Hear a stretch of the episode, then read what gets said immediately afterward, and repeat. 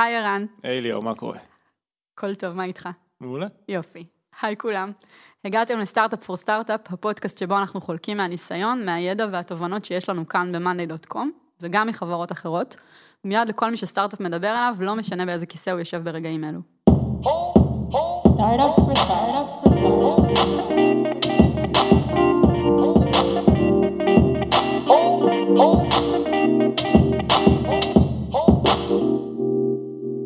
אז היום אנחנו נעמיק בנושא שדנו בו בפרק 5, שהוא פיתוח מוכוון אימפקט.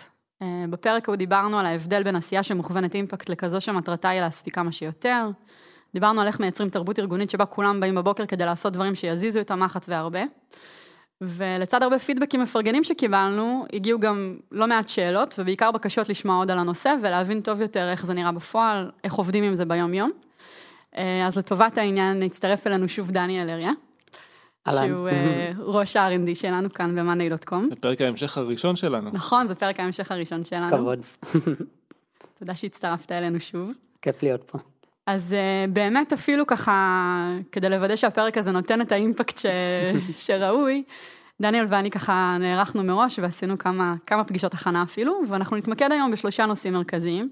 שאלה הראשונה תהיה איך מחליטים מה זה אימפקט, משם אנחנו נמשיך ונתאר קצת איך זה נראה ביום-יום ממש של מפתח כאן בחברה, ואנחנו נמשיך בעצם למה עושים עם כל המשימות שבכל זאת נראות לנו מבאסות.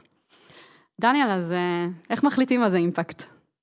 טוב, אז uh, אני חושב שקודם כל באימפקט, גם uh, מה שדיברנו פעם קודמת, אז יש את הדברים שהם יותר ברורים, זאת אומרת, אני חושב שבבסיס אימפקט זה משהו שמשפיע על ה-KPI של החברה. אה, לנו בחברה לדוגמה, line metric שלנו זה WAP, שזה ה-Weekly Active Paying People, ובעצם התכלית של הדברים שאנחנו עושים בעבודה שלנו ביום יום היא בסופו של דבר לשפר את ה-KPI הזה. אז אני חושב שבדברים שהם אה, יחסית, בוא נגיד ככה, יותר אה, מזיזים את ה WAP בצורה ישירה, או לדוגמה feature increments גדולים או דברים בסגנון הזה ששם יש לנו סט של מדדים כמו retention ו adoption שאנחנו מודדים בצורה יחסית אה, סטנדרטית אה, אז בדברים האלה האימפקט ברור זאת אומרת וגם בדברים לכל אחד בעצם יש את היכולת להבין שיש לו אימפקט במקומות האלה, נכון? כן. זאת אומרת, מפתח ניגש למשימה, הוא מסתכל ואומר, כן אז אנחנו הרבה פעמים אה, במשימות האלה נתחיל דווקא מהאימפקט שאנחנו רוצים להשיג זה יכול להיות או באמת איזשהו אה, יעד אה, מאוד מאוד קונקרטי של לשפר פאנל מסוים באחוזים מסוימים קונברז'ן וכדומה וזה יכול להיות גם דברים שמצריכים קצת יותר מחשבה של בעצם למצוא איזשהו proxy ל WAP כלומר איזשהו KPI אחר שבסופו של דבר אנחנו ראינו שהוא משפיע על ה WAP זאת אומרת מצאנו איזשהו קשר בהתחלה של אה, קורלציה בינו לבין ה WAP, ואחרי זה הוכחנו שבאמת אה, על ידי AB test הוכחנו שהוא משפיע. תן דוגמה לאחד כזה. אמ, אז אני חושב שאם ניקח נגיד את הפרק של ה task forces, אז אה, בפרק של ה task forces בעצם היה קשה לנו לראות תזוזה מיידית ב WAP כתוצאה של דברים שעשינו, אבל כן ראינו שאנשים שמשתמשים ב deadlines הם חוזרים יותר למערכת, וכתוצאה מזה ה WAP שלהם טוב יותר. אז לאורך ה task force בעצם השתמשנו באותו proxy כדי בעצם לראות שאנחנו הולכים בכיוון הנכון. אז אני חושב שזה ממד אחד של הדברים בעצם, שאנחנו תמיד מנסים למצוא איזה שהם דרכים או בעצם KPI שהם proxies כאלה שהם דברים שאנחנו באמת יכולים להזיז מהר, שאותם אנשים שעובדים על הדבר הזה באמת יכולים לעשות פעולות קונקרטיות שיזיזו את זה, אה, גם אם זה לא באותו רגע מזיז את הוואפ, אה, וזה ייקח יותר זמן. אני, אני חושב אבל גם מה שאפשר את זה, זה בעצם העובדה שה... הוואפ הוא בעצם מטריקה מיוחדת שהיא תומכת גם בלקוחות חדשים, זאת אומרת אם עכשיו לקוח מתחיל לשלם במערכת הזו הוא הופך להיות משמש שבועי, אבל היא גם מאוד מכווינה את החברה ללהעלות את השימושיות במוצר, זאת אומרת בדרך הזאת אנחנו גם מכוונים את כל האנשים בחברה ל... אתה יכול לתרום או בזה שתשפר את כמות החברות שהופכות להיות משלמות ומשתמשות במוצר, או שתשפר את השימושיות של החברות הקיימות, אבל זה לא שזה רק תומך בצד אחד של המטבע, זאת אומרת זה תומך גם בקיימים וגם בחדשים, ומאוד מכווים את כל האנשים בחברה למה צריך לשפר. דניאל, ומה עושים, מה לגבי הדברים הפחות ברורים? אמ, אז אני חושב שבעצם אה, אנחנו מנסים למצוא אה, KPI לכל דבר שאנחנו עושים. עכשיו, כמובן שיש דברים שהם מאוד קטנים וברורים ואנחנו פשוט עושים אותם, זה לא שלכל דבר עכשיו אנחנו מתחילים סדנה כזאת של למצוא KPIs, אבל כן, ככל שהדבר דורש יותר השקעה, אז אנחנו משקיעים יותר בלחשוב איך אנחנו בעצם נמדוד את הדבר הזה ואיך נדע שהוא מוצלח. למה? אה, אני חושב בעיקר כי אנחנו לא רוצים לעבוד סתם, זאת אומרת אנחנו לא רוצים להיות במצב שאנחנו עובדים מאוד קשה, קרו לנו מקרים שעבדנו ממש קשה ציפינו שמשהו שאנחנו עושים, בין אם זה איזה אימפרובמנט קטן במוצר, או בין אם זה תיקון של באג, שנגיד אה, היו איזה שני לקוחות מאוד קולניים שדיברו עליו והשקענו בו הרבה מאמצים, ובסוף אתה משחרר את זה, ואתה מצפה לאיזה מפץ גדול, ולא קורה כלום, וזה נורא מבאס. בעצם אז מציאת אה, ה-KPI הרלוונטי היא סוג של תשתית לאימפקט. כן, אתה- מאוד, לגמרי. אני חושב שבעצם כל הגישה הזאת מוכוונת על הנקודה שאתה יכול למדוד את מה שאתה עושה, ואני חושב שזה לא רק חשוב כדי לדעת שאתה הולך בכיוון הנכון, זה מאוד נותן לך הרגשה טובה, וזה עוזר ליצור כזה תשתית של recognition כזאת מאוד בתוך החברה, כי השפה משתנה בין אה, דברים שהספקנו לעשות, ועל איזה וים סימנו, איזה וים סימנו בצ'קליסט מסוים של פיצ'רים או דברים כאלה, ל... אני הצלחתי להזיז את זה ואת זה, אני הצלחתי לעשות ככה וככה, לשפר את המדד הזה בצורה כזאת וכזאת, וזה גלגל כזה שמזין את עצמו, ואז אנשים גם מתחילים לחשוב בצורה הזאת, כלפי דברים גם יותר קטנים, את יודעת, גם באגים שאני עושה עכשיו, אז יש לנו המון המון באגים והמון המון דברים, כמו לכל מערכת, ואנחנו רוצים שזה יהיה משהו שהוא במיקרו, בהחלטה של כל בן אדם ובן אדם, שיבין עכשיו, טוב, על כמה אנשים זה הולך להשפיע, כמה זה בעצם אה, משמעותי עבור אותם אנשים, יכול להיות שנגיד אני עושה משהו שיש לו השפעה קטנה, אבל על המון המון אנשים, או יכול להיות שאני עושה משהו שיש מעט מאוד אנשים שמשתמשים בו, אבל עבורם זה יהיה משנה חיים, מה שנקרא. אז לעשות את כל התרגילים המחשבתיים האלה, ולפעמים המדידה שלנו היא ממש ממש גם בסיסית, זאת אומרת, לפעמים אה, ניקח דוגמה איזשהו, אנחנו ממש משתמשים בזה כדי להחליט איך לפתור דברים וכמה זמן להשקיע בהם, זאת אומרת זה ממש עוד כלי שיש לנו כדי לדעת איך להתמודד עם העולם הענק של דברים שיש לנו לעשות, כלומר, אה, סתם אני זוכר איזה דוגמה שהגיע לפה אה, משה שהוא מפתח מאוד מנוסה ומאוד חזק וככה היה איזה איזשהו באג שבזמן שאנשים רושמים אצלנו update במערכת אז אפשרנו לרשום עוד update וזה היה גורם לכל מיני תופעות לא רצויות ודברים כאלה. ואז אה, אמרנו טוב בשלב הראשון אפשר פשוט בזמן שמישהו רושם update שהוא עושה submit ל update לעשות אה, לא לאפשר לשים עוד update־ים עד שזה בעצם אה, ככה שה update מסתיים. עכשיו זה משהו שמבחינת product אנחנו לא כזה אוהבים אותו אבל היה לנו מאוד קל לגשת לזה להגיד אוקיי בוא נראה כמה אנשים שמנו פשוט event וראינו כמה אנשים זה מפריע להם כמה אנשים לוחצים על ה-disabled update הזה ורוצים לעשות שוב וזה עזר לנו לקבל החלטה שלא שווה כרגע למצוא פתרונות מרחיקי יותר לכת. מורכבים. כן, כן. אבל אני חושב שעוד משהו שקורה בגלל ששמים את ה-KPI הזה, זה בעצם איזשהו תרגיל מחש- מחשבתי כזה, וראיתי המון פעמים שבאנו לגשת לפתרון אה, של בעיה מסוימת, וברגע שאמרנו שנייה בוא ננסה להבין מה ה-KPI, פתאום השתנה איך שבאנו להתמודד עם הבעיה, זאת אומרת יש בתרגיל הזה גם משהו שהוא מייצר המון המון פוקוס, הייתי קורא לזה, אה, כי זה מכריח אותך שנייה לקחת אה, צעד אחורה ולהסתכל בצורה רחבה, ולהבין מה בעצם אתה מנסה לפתור, ולסנכרן את כל מי שעובד איתך על הדבר הזה שאתה מנסה לפתור. דניאל, דיברת על אה, שינויים משני חיים. אה, עשיתי פה כזה מרכאות עם הידיים, ליאור, רציתי להגיד לך שלא רואים את הוידאו של הפודקאסט. הכל חוזר אליי, אה? אה? רציתי לשאול עד כמה המפתחים חשופים לפידבק מהלקוחות. אז אני חושב שאנחנו חשופים זה אפילו understatement, זאת אומרת, אני חושב שזה משהו שהוא ממש מניע את כל הפעולות שאנחנו עושים. אה, יש המון המון ערוצים, אנחנו ניסינו ליצור מצב שבו יש המון המון ערוצים לתקשורת עם ה... מה שאנחנו קוראים לו עם המציאות, כן? שלא אנחנו כותבים דברים ובסוף זה איזה לקוח מרוחק שאף אחד לא מבין איך הוא משתמש בדבר שאתה עושה. אז uh, יש לנו גם uh, קבוצה בפייסבוק לדוגמה שאנחנו בקשר איתה, של לקוחות מאוד מאוד engaged, שיש שם ממש שיח יומיומי עם המפתחים וזה יכול להיות גם מ data שאנחנו אוספים ורואים. ומיד שאנחנו מעלים משהו הדבר הראשון שכולם שואלים אחרי שעתיים, נו, יש מספרים, יש דברים, אה, אז זה יכול להיות דברים כאלה ואני חושב שבכלל הדבר הזה מחבר מאוד ויוצר ownership מאוד מאוד גדול לדברים, אצלנו בן אדם שהוא מוציא משהו אז הוא גם עושה את ה... אה, בעצם תקשורת של זה החוצה, אם זה broadcast יש לנו רכיב כזה במערכת ששם המפתחים ממש הם עם הפרצוף שלהם אומרים אה, יצא ככה וככה, בין אם זה מפתח או מעצב או האיש product שעבד על הדבר הזה, מקבלים מיד feedbackים. זה מאפשר אה, איזושהי הכרה בעצם, נכון? כן, זה. מייצר קודם כל recognition אה, מדהים, וב' זה מאוד מפקח, כי הרבה פעמים, כמו שאמרתי, נגיד אה, עשינו משהו, אמרנו, טוב, נעשה על זה broadcast, יעופו על זה, ופתאום יש לך מדד די קר שאומר כמה אנשים עשו לזה לייק, כמה אנשים הגיבו על הדבר הזה, כמה אנשים משתמשים במה שעשיתי, ואני חושב שזה מאוד מבגר, זה גורם לך פעם הבאה לגשת לכל אתגר הרבה יותר קודם כל ספקן, וכמו שרן אמר, כאילו, לנסות מאוד מאוד לפקס, כאילו ברגע שאתה... ברגע שזה מה שאתה מנסה לעשות לאופטימיזציה, אז כל הפעולות שלך מוכוונות לדבר הזה, כאילו, וזה, אני יכול להגיד שגם לי הרבה פעמים אה, יש דברים שאני אומר, וואי, חייבים לעשות את הדבר הזה וכולי, ואז אנחנו יושבים שנייה בחדר, ואומרים, טוב, טוב, בוא, בוא נחזור שנייה, מה אנחנו מנסים לשפר, ומבינים פתאום שכנראה כן, זה לא גם- מה שישיג את זה. גם במציאות הדעות אולי יש משהו שנשמע מאוד מגניב למישהו, אבל אז הוא פוגש את המציאות של העובדות, ובסוף אה, כן, אתה יש אומר, זה פער. מטורף, זה זה, פתאום אתה אומר, כן, אבל כנראה שרק איזה 2% מהאנשים השתמשו בזה כי א', ב', ג', ד', ואז אתה מוריד את עצמך מהרעיון, שזה הדבר הכי טוב שיכול לקרות לך, כי... כן, המקום הזה של להתנתק מהזווית האישית שלך ולאיך שאתה חווה את המוצר, ומה שכרגע יש לך ב context, ולנסות להבין בצורה רחבה יותר על מה זה הולך להשפיע, זה exercise שהוא לא פשוט, כאילו לא האינטואיציה שלה, זה ממש להילחם מול האינטואיציה, אה, אבל זה ממש הפך פה להיות כלי שכל אחד משתמש בו בחברה בשביל לקבוע מה הוא עושה ואיך לדייק את מה שהוא עושה.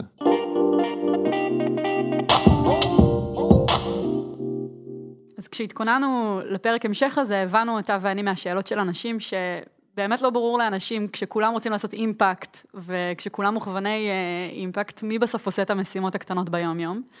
וכל התשובות שנתנו לזה לא היו מספקות, אז החלטנו באמת להביא דוגמה של יום בחייו של מפתח בחברה. אה, אז בוא תספר לנו שנייה איך זה באמת עובד אה, הלכה למעשה. אוקיי, סבבה. אז אה, קודם כל אנחנו באמת אה, בכל ה-R&D עובדים באיטרציות כזה של שבועיים או של שבוע, אנחנו... אה, בעצם האיטרציות הן רק כלי לתכנון, אנחנו לא מחכים לזה, זאת אומרת אה, בווב לדוגמה אז אנחנו מעלים אה, עשרות גרסאות ביום, באמת שמשהו מוכן הוא עולה ואנחנו רוצים כמה שיותר סייקלים מהירים, אבל אנחנו מתכננים ככה לשבועיים, וכל בן אדם שהוא בא לעשות את התוכנית שלו בעצם, אז אה, 50% מהזמן שלו זה זמן שבדרך כלל מוגדר כזמן על טאסק פורס או על פרויקט מאוד מאוד גדול ועיקרי שהוא רץ עליו. וה-50% הנותרים זה בעצם זמן שהוא משקיע בצירים אחרים שאנחנו מרגישים שאנחנו רוצים כל הזמן לקדם. זה יכול להיות באגים, זה יכול להיות תשתיות, זה יכול להיות שיפורים בפאנלים לדוגמה, אה, וסקיוריטי ודברים בסגנון הזה. ואז בעצם יוצא שבאיטרציה יש לבן אדם איזון בין משהו גדול שהוא עושה ומקדם, שזה יכול להיות טאסק פורס כמו ששירלי תיארה, וזה יכול להיות גם משימות בתחומים אחרים, תשתיתיים, או לא משנה מה, שהם באמת יותר אה, גדולים ומורכבים. ומצד שני הוא עדיין נשאר מחובר לכל שאר הצעירים שרצים בצוות במקביל. ואז באמת, באמת אין את ההרגשה הזאת של אה, כולם עובדים על הכל, אז בעצם אה, אנחנו שותפים גם לדברים האלה וגם לדברים האלה, וכולם מבינים את המשמעות של כל הדברים האלה.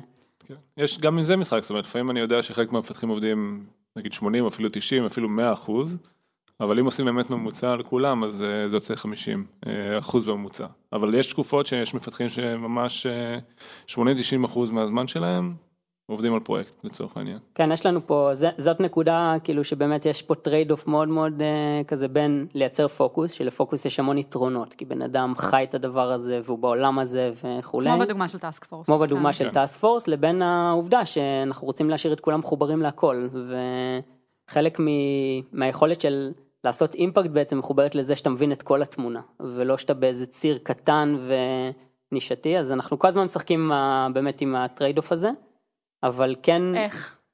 איך זה עובד בפועל, לדוגמה קובי, כששירלי תיארה את ה task force שלהם, אז אה, איך אתה שומר עליו בעצם בעניינים, כשהוא כל כך בתוך אה, פרויקט כזה ספציפי וחשוב? אז אה, קודם כל יש שלבים שונים בחיים של task force, זאת אומרת לפעמים דווקא בהתחלה של task force אז לוקח לדברים יותר זמן להתגבש וצריך יותר זמן לדברים לשקוע בין מפגש למפגש של ה task force וכולי, אז זה דווקא הולך בצורה טבעית ככה שיהיה גם דברים אחרים שירפדו את התוכנית שלו כדי שהוא יוכל לעשות אותם בינתיים.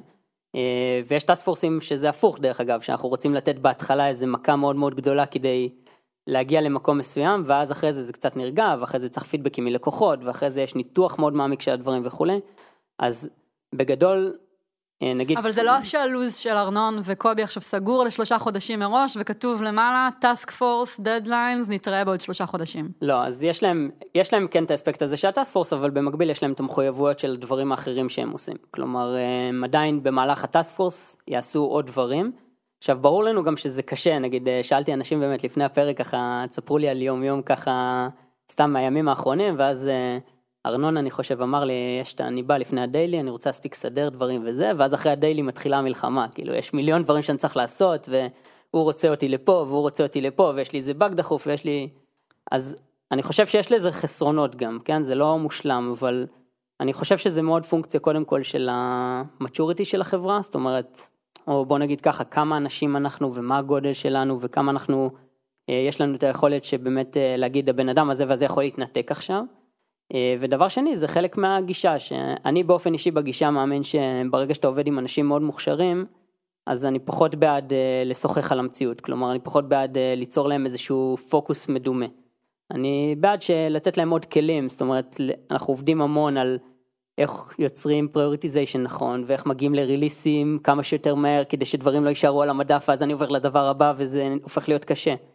וזה דבר באמת מאוד משמעותי ב mentorship של כל בן אדם שהוא עובר פה, כדי שהוא בסופו של דבר יהיה מסוגל לקחת את ה complexity הזה ולהתמודד איתו בצורה טובה, ואני חושב שככל שאנחנו גדלים, אז אנחנו בעצם, יש נקודות שאנחנו מחליטים שעליהן אנחנו רוצים פוקוס מדויק. אה, הצוות של ה growth זה דוגמה לזה, בסדר? אמרנו בהתחלה זה היה משהו שהיינו עושים ב platform, ובעצם היינו עובדים על growth, ואז הרגשנו שיש לזה קצת starvation, והרגשנו גם שמומחיות תיתן לנו שם קפיצה מטורפת.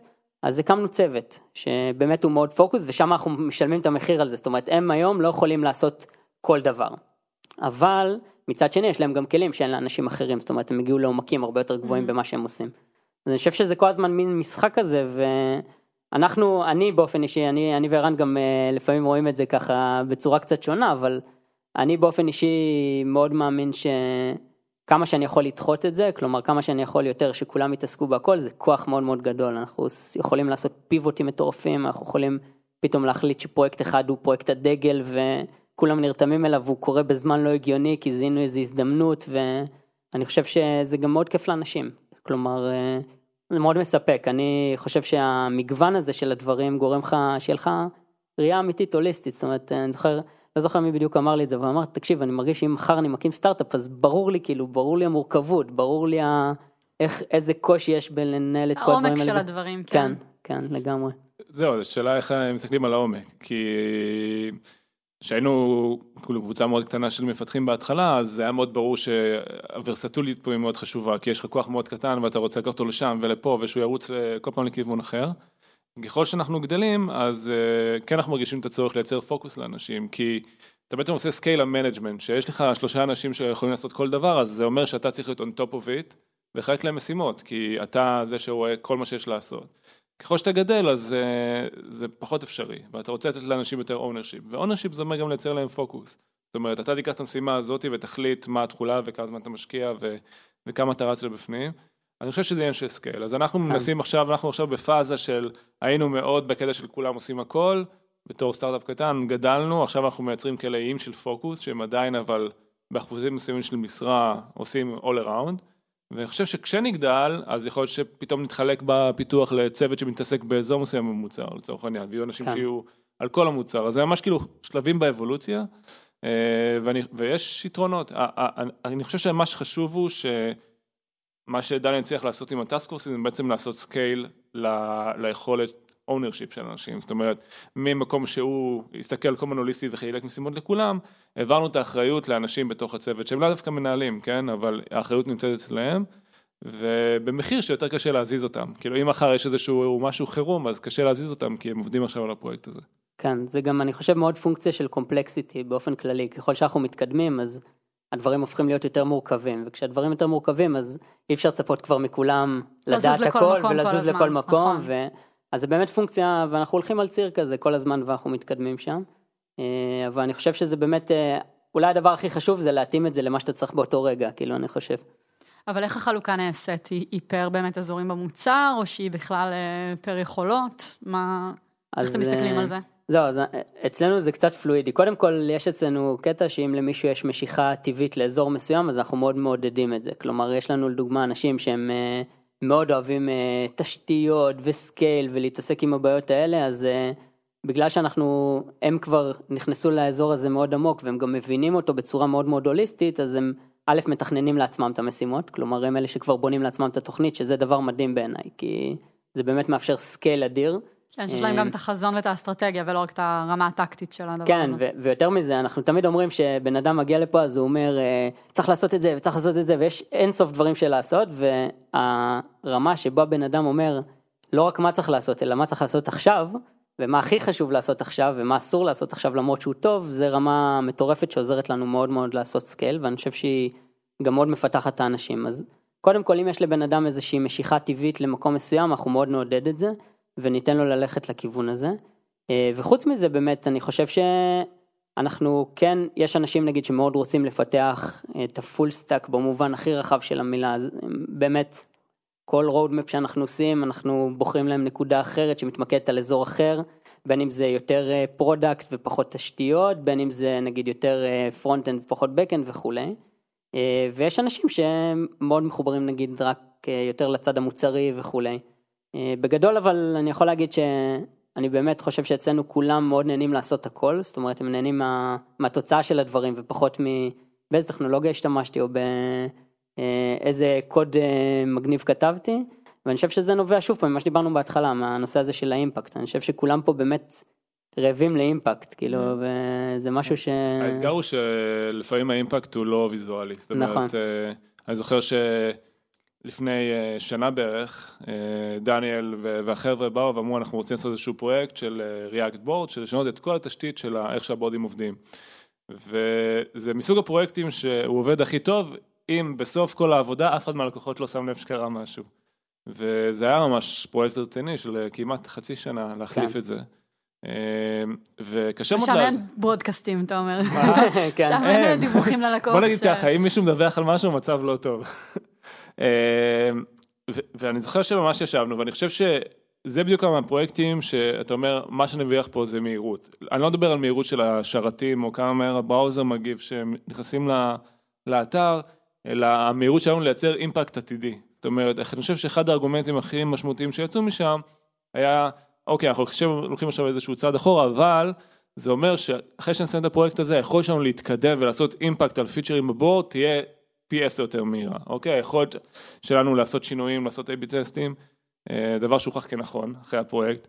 אז אמרנו פה, אוקיי, יש פה אימפקט שהוא לא מיידי מהפרויקט הזה, אבל האימפקט, ה-compound אימפקט שלו הוא מאוד מאוד משמעותי, ידענו לכמת את זה, ואני חושב ש, שגם זה אפשר לנו לשים בדיוק את הפוקוס על הדבר הזה, זאת אומרת, אחד הדברים הכי חשובים שהיו לנו מתוך הדבר הזה, הייתה העובדה שמחר בבוקר אחרי שנסיים אותו, יהיה לנו הרבה יותר מהר להתקדם, ואני זוכר שגם הפרויקט יסתיים, כל הזמן היה דיבור על זה, מעבר לזה שה boards יותר טובים, יותר מהירים, יותר יפים, שהרבה יותר מהר לזוז, אוקיי? ואני חושב ש speed זה אחד הדברים שהם הכי משמעותיים ב impact, כי impact זה לא רק לעשות, אלא גם היכולת לעשות מהר דברים, ואני חושב שתשתיות שתומכות בזה הן סופר קריטיות. אבל איך משמרים drive בתוך פרויקט כזה של חצי שנה שאין באמת פידבקים מיידיים והוא לא סקסי ו... אז אה, א' הוא מאוד סקסי, זה... כן, אני חושב ש... תראי, קודם כל זה באמת אה, לחבר למה המטרה הגדולה של הדבר הזה כל הזמן, זאת אומרת זה לא להתנתק מזה, אני חושב שהדבר הכי קשה, כאילו שהכי נו- נוהגים אה, לטעות בו, וגם לנו זה קורה כל הזמן ואנחנו, יש לנו הרבה אנשים ששומרים על זה אז זה עוזר, שלא לא להיפרד מהמטרה שלשמה התחלת משהו, הרבה פעמים אתה מתחיל משהו ואז אתה אומר וואי איזה מגניב, אולי אני אעשה כבר את זה, ותראה איזה יופי, ו... הסינדרום אה, אה, ידוע אצל מפתחים, כן, שפתאום פותחים, איזה- מרימים ו- איזה שהיא אבן ומגלים שם אוצר שאפשר לטפל בו. כן, וה... אפרופו פוקוס. כן. כן, אז החיבור הזה ל- לדבר הזה הוא מאוד מאוד חשוב. דבר שני, גם ב- גם כשעשינו את הריאקט בורד, אז אני זוכר שאחרי שבועיים כבר של הפרויקט, אז אה, הוצאנו, ב... יש לנו כזה משהו שאנחנו קוראים לו Monday Labs, שאנחנו פותחים בעצם פיצ'רים ללקוחות שלנו לפני, הם יכולים להדליק ולכבות, אז אנחנו נגיד, הדרך שלנו לשכנע לעשות את ה React board, זה הכנסנו את כולם לחדר, ובעצם אה, טל וליאור, אה, שבעצם כתבו איזשהו אה, גרסה של הדבר הזה, שהיא רק read only, שאי אפשר עוד לעשות כלום עם ה board, אבל מה שהם עשו, הם הכניסו את כולם לחדר, ואז גללו את ה board מאוד מהר, שזה pain point מאוד גדול שלנו אז, ובעצם ראינו שזה מדהים, שזה עובד הרבה יותר טוב וכולי, אז מהרגע הראשון שחררנו את זה ללקוחות, וכבר קיבלנו את הפידבק, היו לקוחות, את יודעת, מהסופר engaged אצלנו, שהם פתחו את זה עצמם ואמרו וואו, מתי זה יוצא, ונתנו incentive, ועוד ועוד ועוד, אז זה מאוד עזר לזה. אה, וגם כמובן, אני חושב אה, תקשורת בפנים ו recognition בפנים, הפרויקט הזה למרות שהוא היה פרויקט גדול, היה לו milestones ים מאוד מאוד ברורים לאורך כל הדרך, שהם היו מאוד קצרים, יעדי ביניים. יעדי ביניים שהיה מאוד ברור אם עמדנו בהם או לא. כלומר, היה מאוד ברור אם אנחנו עכשיו נמרחים או שהצלחנו להתקדם כמו שרצינו, והדברים האלה מתקשרים אותם לכל החברה, ולמרות שזה פרויקט שהוא במהותו אה, למפתחים, אז כולם היו פה מחוברים, זה היה המילה שכולם אמרו פה במסדרון, חכו ל React boards, חכו ל React boards, וידעו בדיוק באיזה שלב זה עובד, ולאט לאט גם הכנסנו את זה ל account שלנו, וקיבלנו עוד פידבקים וכולי. שזה עוד יתרון שיש לנו באמת, שאנחנו עובדים עם הפלטפורמה בעצמנו. כן, אני חושב שזה סופר כיף, כי באמת אתה מוסיף, זה, זה עוד אחד מהדברים שיוצרים לך immediate feedback כזה שהוא הדבר הכי מספק שיש, כי אה, באה מישהי חדשה שהצטרפה אלינו נגיד לא מזמן, שקוראים לה תות, והמשימה הראשונה שלה הייתה לעשות right click ב board, שזה משהו שבאמת היא עשתה אותו, ואני חושב שהיא בעצמה נדהמה מעומק התגובה, גם קודם כל ב account שלנו, שהיא העלתה את זה תוך שנייה כל ה account מלא ב comments ים ולייקים וכולי, ואנשים מדברים איתה וסופר מרוצים, ודבר שני שהיא אחרי זה הוציאה את זה ל community, ואחרי זה לראות את ה events ים של הדבר הזה כמה משתמשים וכולי, והדבר הזה הוא סופר מפקס, כאילו, ומאוד מאוד עושה גם, ה recognition הזה והקשר עם הלקוחות זה דבר שהוא מניע בטירוף, כאילו אני יכול להגיד גם על עצמי שלכתוב כזה אפדייט של משהו שאתה יודע שהוא משמעותי ופתאום לקבל את כל הלייקים ואת כל הדברים זה, זה מראה לך שעשית משהו שהוא באמת מזיז למישהו, ולא איזה משהו שאתה כאילו סתם שחררת וכלום לא קרה. אני מתחברת לשאלה האחרונה שלנו ומקשה עליך שנייה, כי אתה טוען ש... שהנושא הזה של React Board הוא כן סקסי. כן. אז שוב, מה קורה עם המשימות שהן לא סקסיות? כשדיברנו על זה, טוב, אני אתן לך להחליט מה זה, מה עובד לכם ומה לא, אבל תמיד יש את אלה שהן פחות. זאת אומרת שאין את הפידבק המיידי, שלא ברור למפתחים למה הפרויקט הזה הוא נורא כיפי או נורא חשוב. איך זה עובד שם? והיו כמה דוגמאות שדיברנו עליהן, אז אני אתן לך ממש לנקוב בשמות של פרויקטים. אחלה, אני, אז תראי, קודם כל יש דברים שהם, שצריך פשוט לעשות אותם ועושים אותם, בסדר? זה כאילו אי אפשר לצאת מזה, זאת אומרת, יש דברים, יש, בכל דבר שאנחנו עושים, אה, יהיו דברים ויהיו משימות שצריך לעשות, כי פשוט צריך לעשות וזה ברור. אני חושב ש... נגיד, אה, אם ניקח אה, דוגמה קונקרטית, אז אה, נגיד השקענו המון עבודה בלהיות GDPR compliant, וזה בעצם משהו שהוא, את יודעת, לרוב האנשים ולרוב הלקוחות שלנו זה לא מזיז, אבל אני חושב שא', יש המון כאלה שכן. ודבר שני, אחד הדברים שאני מאוד אוהב שקורים אצלנו זה שעל הדרך שאנחנו עושים את הדברים האלה, גם אם זה דברים שכביכול אנחנו מחויבים לעשות, אז אנחנו מנסים להבין איך אנחנו נותנים דרכם עוד added value, כלומר, לא להשאיר את זה רק אה, טוב GDPR, אה, V וכולי, אז כל דבר שאנחנו עושים שם, לראות אם אנחנו יכולים על הדרך כבר לתת משהו לכל ה... לכל ה-customer base שלנו. מה לדוגמה? אה, לדוגמה ב-GDPR, עד ה-GDPR אז יש לנו 14 days trial בעצם במוצר וכשזה מסתיים אז עד, ה- עד בעצם שהגענו ל-GDPR היינו חוסמים את האנשים והיינו אומרים להם אוקיי, עכשיו או שאתה משלם או שאתה בעצם לא יכול לגשת ל account שלך לאיזה תקופת צינון כזאת ו- וחוזר חלילה וב-GDPR אי אפשר לעשות את זה כי אתה צריך בעצם אם אתה שומר את ה subscription לשמור על value תמידי. אז במקום ככה להתייחס לזה כאל מגבלה, אמרנו, טוב, בוא, בוא ננסה לעשות טסט שאפילו משפר את ה-conversion בסוף. אה, ומה שהגענו אליו זה לעשות גרסה שהיא read only בסיום ה trial. ועשינו גרסה אחת והיא לא שיפרה, ואז עשינו עוד גרסה והיא לא שיפרה, ואנחנו עכשיו בגרסה שלישית. אבל בסופו של דבר יצאה הרגשה שהנה וואלה, גם לא רק שעשיתי את מה שהייתי צריך לעשות, גם הצלחתי לשפר וכן לעשות משהו שמוסיף. אז כל כלומר, יש פה ממש הזדמנות לשפר את ה-conversion בסופו של דבר. כן, כן, ואני חושב שזה חלק מהעניין של... אה, ברור שלא תמיד אפשר לעשות את זה, אבל אני חושב שבהרבה מאוד מהדברים שנראים לכאורה אפורים, אם משנים גישה ומסתכלים על זה אחרת, אז פתאום אפשר להוציא מזה דברים מדהימים, ואני חושב שבפרט יש אנשים, אני לא יודע, כל אחד אולי יש לו את זה מהקונטקסט שלו, אבל יש אנשים שלא משנה מה הם עושים, פתאום זה נראה הדבר הכי מגניב שאפשר לעשות. אה, וזה קורה בהרבה מאוד דברים, זאת אומרת, אה, זה גם באיך שאנחנו מתייחסים לקוולטי ולבאגים, שאנחנו משתדלים אה, להוציא מהם את המרב, ולא רק לסמן עליהם וי של תוקן, אלא להבין למה זה קרה, אולי אם זה customer request, איך מונים אותו לפעם הבאה וכולי. יהיה על זה פודקאסט המשך על הנושא הזה, אז ככה, נכון? stay tuned. כן. אה, עוד דוגמה שאתה יכול לדבר עליה דניאל זה עכשיו היה לנו סיבוב לפני כמה חודשים שהודענו עליו וחלק מה-due diligence, חלק מהבדיקת נאותות שעשה לנו המשקיע הוא בא בבקשה אה, לעבור על כל ה stack הטכנולוגי שלנו, זאת אומרת לעשות review על כל הטכנולוגיה. שלח invite בקלנדר, חסם איזה יומיים שלמים, כן. נכון? כן, אני לא, לא אגיד שה- השבית את כל ה-R&D ליומיים. לא אגיד שהתרגשתי אה, כל כך לעשות את הדבר הזה, זה היה נראה לי כמו הסיוט של החיים באותו רגע.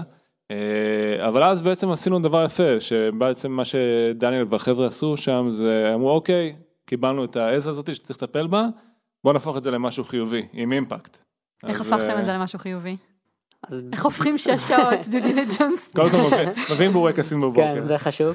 אמ, אז באמת אה, ככה הדרך שניגשנו אל זה, זה אני זוכרת שזה היה היום שהגעתי באיזה שבע וחצי, והם כבר היו אחרי הבורקסים, ושאלתי את דניאל באיזה שעה הם הגיעו כן, למשרד. התחלנו בשש. כן, התחלנו. זה היה עם חבר'ה מארצות הברית, אז אה, כן. הם אה, התעקשו לעשות את זה באמצע הלילה שלהם משום מה. כן.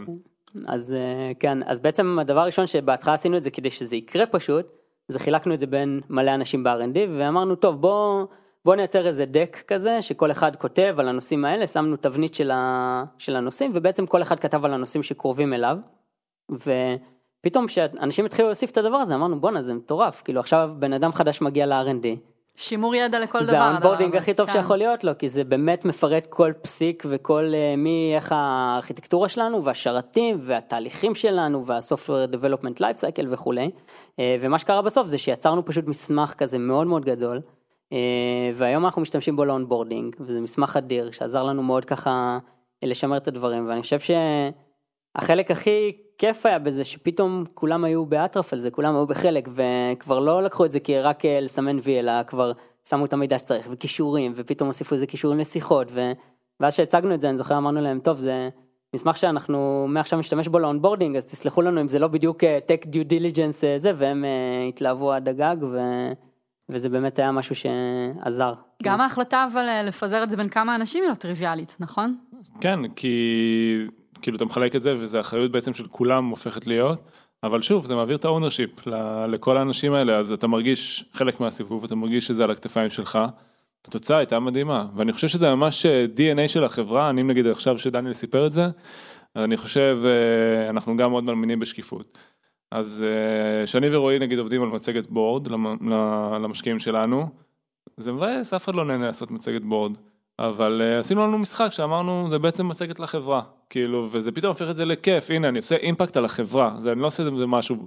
הקטע הזה של לקחת משהו שהוא משימה כזאת שגרתית או שלא בא לך לעשות אותה שאתה לא מרגיש את האימפקט ולהפוך אותה למשהו עם אימפקט זה מה שעושים פה כל הזמן. אז אם זה המצגת בורד אפילו הסיבוב המצגת של הסיבוב שעשינו למשקיעים שכל הזמן הרגשנו שוב אתה מרגיש שזה אמנם יש איזה אימפקט כסף בבנק אבל אה, הרבה עבודה סיזיפית. הרבה עבודה סיזיפית, אבל בסוף אמרנו, תקשיבו, זה מצגת שנציג אותה לכל החברה, וזה מעיף, זה פשוט בבת אחת מעביר את כל הקונספטים שחשבנו עליהם, אז כל פעם לקחת את הדבר הזה למקום של איך אני מפיק מזה אימפקט, זה מה שאנחנו ממש בכל הרובדים בחברה עושים כל אני יכולה הזמן. להעיד עליך שכשעשינו ככה איזה סוג של brainstorm על ה product roadmap, ועלינו על איזה פיצוח, אז יצאת מהחדר מבסוט ואמרת, יש, יעופו על זה בחברה, איזה כיף. לא יש, המשקיעים יאהבו את זה ונקבל השקעה, אלא ממש עפת על זה שיש איזה עדכון כזה מעניין אה, להביא ב company meeting של יום חמישי. כן, כי אתה מרגיש שאתה יכול להזיז את ה needle, כאילו גם עם דבר כזה. כן, אני חושב גם מהפרספקטיבה של, אה, אתה יודע, שמי שרואה את זה יחסית מהצד הדבר הזה, אז כל פעם שרועי וערן בעצם יש להם מצגת של, אה, של ה board, אז בגלל התהליך שקורה לפני בכלל, ולא המצגת עצמו, אז תמיד חוזרים עם insightים, ותמיד פתאום אנחנו מקבלים פרספקטיבות אחרות, כי כשצריך להכין את זה, אז אתה פתאום יורד ל details מסוימים שאתה לא יורד אליהם ביום יום, פתאום אתה בודק דברים שעד היום לא בדקת, וזה תמיד חוזר אלינו עם insightים מטורפים שמאוד משפרים אותנו, אה, ממה שהם עשו ומהעבודה שקורית לפני. ככה, לקראת סיום, אה, תגיד ערן, איך אה, אנחנו גדלים מאוד מהר, ושוב, נגענו בזה קצת בפרק הראשון עם דניאל, אבל איך אתה, איך אנחנו מוודאים בעצם שלאורך זמן התרבות הזאת נשמרת? כשנכנסים כל כך הרבה אנשים חדשים כל שבוע, הם ישר צוללים למים ומתחילים לדבר אימפקט כמה שיותר מהר. כן, אז, זה- אז זה בעצם האתגר, ואנחנו, אני יכול, אני חושב שזה לכל אורך ה onboarding של בן אדם בתוך החברה, אנחנו כל פעם חוזרים על זה ומדברים על זה. אה, לצורך העניין, כל מי שעושה onboarding, אה, נדבר גם איתי וגם עם רועי וגם עם כל הראשי צוותים בחברה. אז אני, אחד מהדברים המרכזיים שאני אומר להם, זה שזה אחד הדברים הכי חשובים לנו, הנושא של אימפקט. אה, ואני חושב שנגיד מפתחים, אנחנו מאוד חשוב להגיד להם, אנחנו רוצים שבשבוע הראשון או בשבועיים הראשונים שאתה מגיע לעבודה, אתה מעלה משהו ל production, שרואים אותו, אוקיי? משהו ש, שעושה איזשהו, מזיז את ה needle. כמו שדניאל סיפר על תות כרגע, כן. לצורך העניין, כן. איזו state of חוויית. הצלחה כזאת. חוויית הצלחה, אבל גם חוויה של וואלה, אני עשיתי והזזתי פה משהו. אז לצורך העניין, אז ב onboarding אני אומר להם, תקשיבו, אנחנו, אנחנו, אני עובר איתם על כל הערכים של החברה, אה, ומה ה-DNA שלנו, ואני אומר להם, אימפקט זה הדבר הכי חשוב, כאילו, ו- ואנחנו מחנכים אותם מ-day one. אה, אז זה דוגמה אחת. דוגמה שנייה זה כל ה feedback talks, איך אנחנו- כשאנחנו עושים feedback talks עם אנשים, אחרי כל, כל חצי שנה או כל רבעון, גם בוואן און וואן, אבל שם זה ממש מובנה, אנחנו מדברים על אימפקט. בוא, עזוב שנייה יעדים, עניינים. רגע, רגע, אין, כן. הקשר אה, למה שאתה אומר עכשיו. מה אוקיי. זה, מה זה feedback talk? feedback talk זה בעצם אה, איזושהי שיחה שמתקיימת אצלנו כל חצי שנה, יש, כל שבוע יש וואן און וואן עם כל אחד מהאנשים, אבל שיחה אחת לחצי שנה שיושבים במשך שעה, המנהל מתכונן לזה, גם העובד, אה, ובעצם עוברים שיחת משוב כזאת. וזה אחד מהסעיפים, אנחנו ממש תכננו את הדף שהוא ידבר על אימפקט. זאת אומרת, אה, לא היית בסדר, לא הייתי בסדר, הייתי, עשיתי משימות, בוא נדבר תכלס, מה האימפקט שעשית בחברה. איזה סוג שאלות יש שם? יש שם, יש שם ממש סעיף שמכווין לזה, שאתה אתה בתור מנהל חייב לרשום לעובד איך אתה תופס את האימפקט שלו שהוא עשה בחברה. וזה מאוד משמעותי, כי, כי אתה מבין שזה מה שחשוב, בסדר? זה חלק מה, מהעניין. זה חוזר גם למציאות העובדות שדיברנו עליה קודם, שאפשר אה, לדבר על מרגיש לי, נדמה לי, נראה לי, אבל אי אפשר להתווכח עם העובדות של דברים שהזיזו את, ה, את המחט. נכון, וגם אני יכול אה, להעיד על דניאל, שהפגישות שהוא עושה, בגוף של ה-R&D, אז זה התחיל בהתחלה ממקום של בוא נעבור למשימות שעשינו בשבועיים האחרונים, עושים כל שבועיים אה, מפגש כזה של כל הצוות, אה, זה המון אנשים, והם עברו שם גם לדבר על, הרבה יותר על אימפקט, וגם כשאנחנו עושים בימי חמישי אה, company gathering, אנחנו מדברים על האימפקט, אנחנו לא מדברים הנה עשינו X, אף פעם אנחנו לא נגיד עשינו X, יופי, תלכו לנו כפיים. כן. עשינו X וזה מה שזה זה עשה.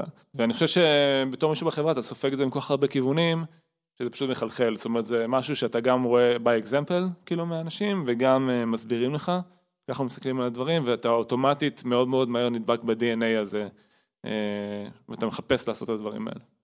כן, אני כן חושב שיש אנשים שבהתחלה זה נורא קשה להם, זאת אומרת, ה onboarding לא בהכרח אה, קל במובן הזה, כי, את יודעת, אה, לפעמים עובדים נורא קשה ולא קורה כלום, כי לא עובדים על הדבר הנכון, או כי במקרה עבדתי על משהו שחשבנו שיעשה והוא לא עשה. אה, ואני זוכר, נגיד אמרת על הצוות גוף, אז אני זוכר, היה להם תקופה שבאמת, הם עשו המון, ועבדו, ועבדו, ועבדו, ולא הצלחנו לייצר איזשהו ניצחון. אבל אני חושב שהעובדה שאנחנו תמיד מסתכלים על אימפקט, אז קודם כל נשאר להם הרעב הזה, זאת אומרת, הדבר הכי מפחיד בעיניי זה שנגיד וואי, אתם מנסים כל הכבוד, ואז זה לא גורם לך לחשוב איך אני יכול לשנות, איך אני יכול כן לעשות, איך, כאילו בכל זאת, אם אתה מסתכל בראי המציאות, יש משהו שאתה עושה לא טוב, אתה צריך להשתנות, אתה צריך... כן, אבל הקרדיט הוא על זה שניסיתם דברים, הבנתם מה לא עובד, עכשיו אתם יכולים להתמקד במה שכן אז יעבוד. ההבנה של מה לא עובד ולהמשיך לנסות זה הדבר החשוב פה, זאת אומרת אנחנו לא נגיד כל הכבוד עשית, אם נגיד עשית משהו ושכחת אותו ולא הבנת בכלל מה עשית והוא לא עשה כלום, אז דווקא זה מאוד מבאס. ודבר שני, אז שכן קורה זה הופך להיות הרבה יותר מתוק, כי אתה וואלה. עברת עשיתי, דרך. עשיתי משהו אמיתי, שיניתי את המציאות ו...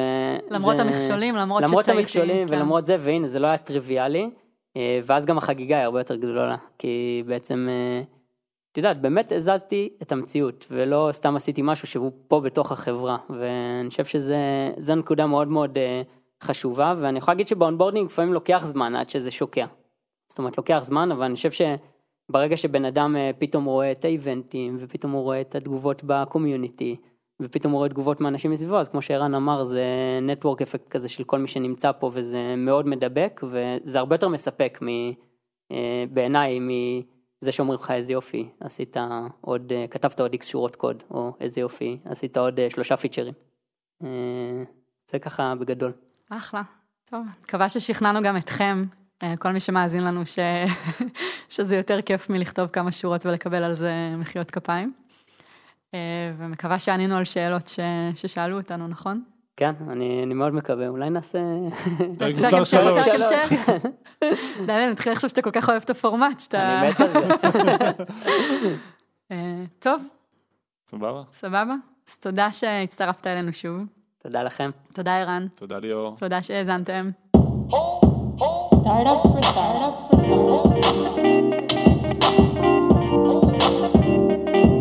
Oh, oh.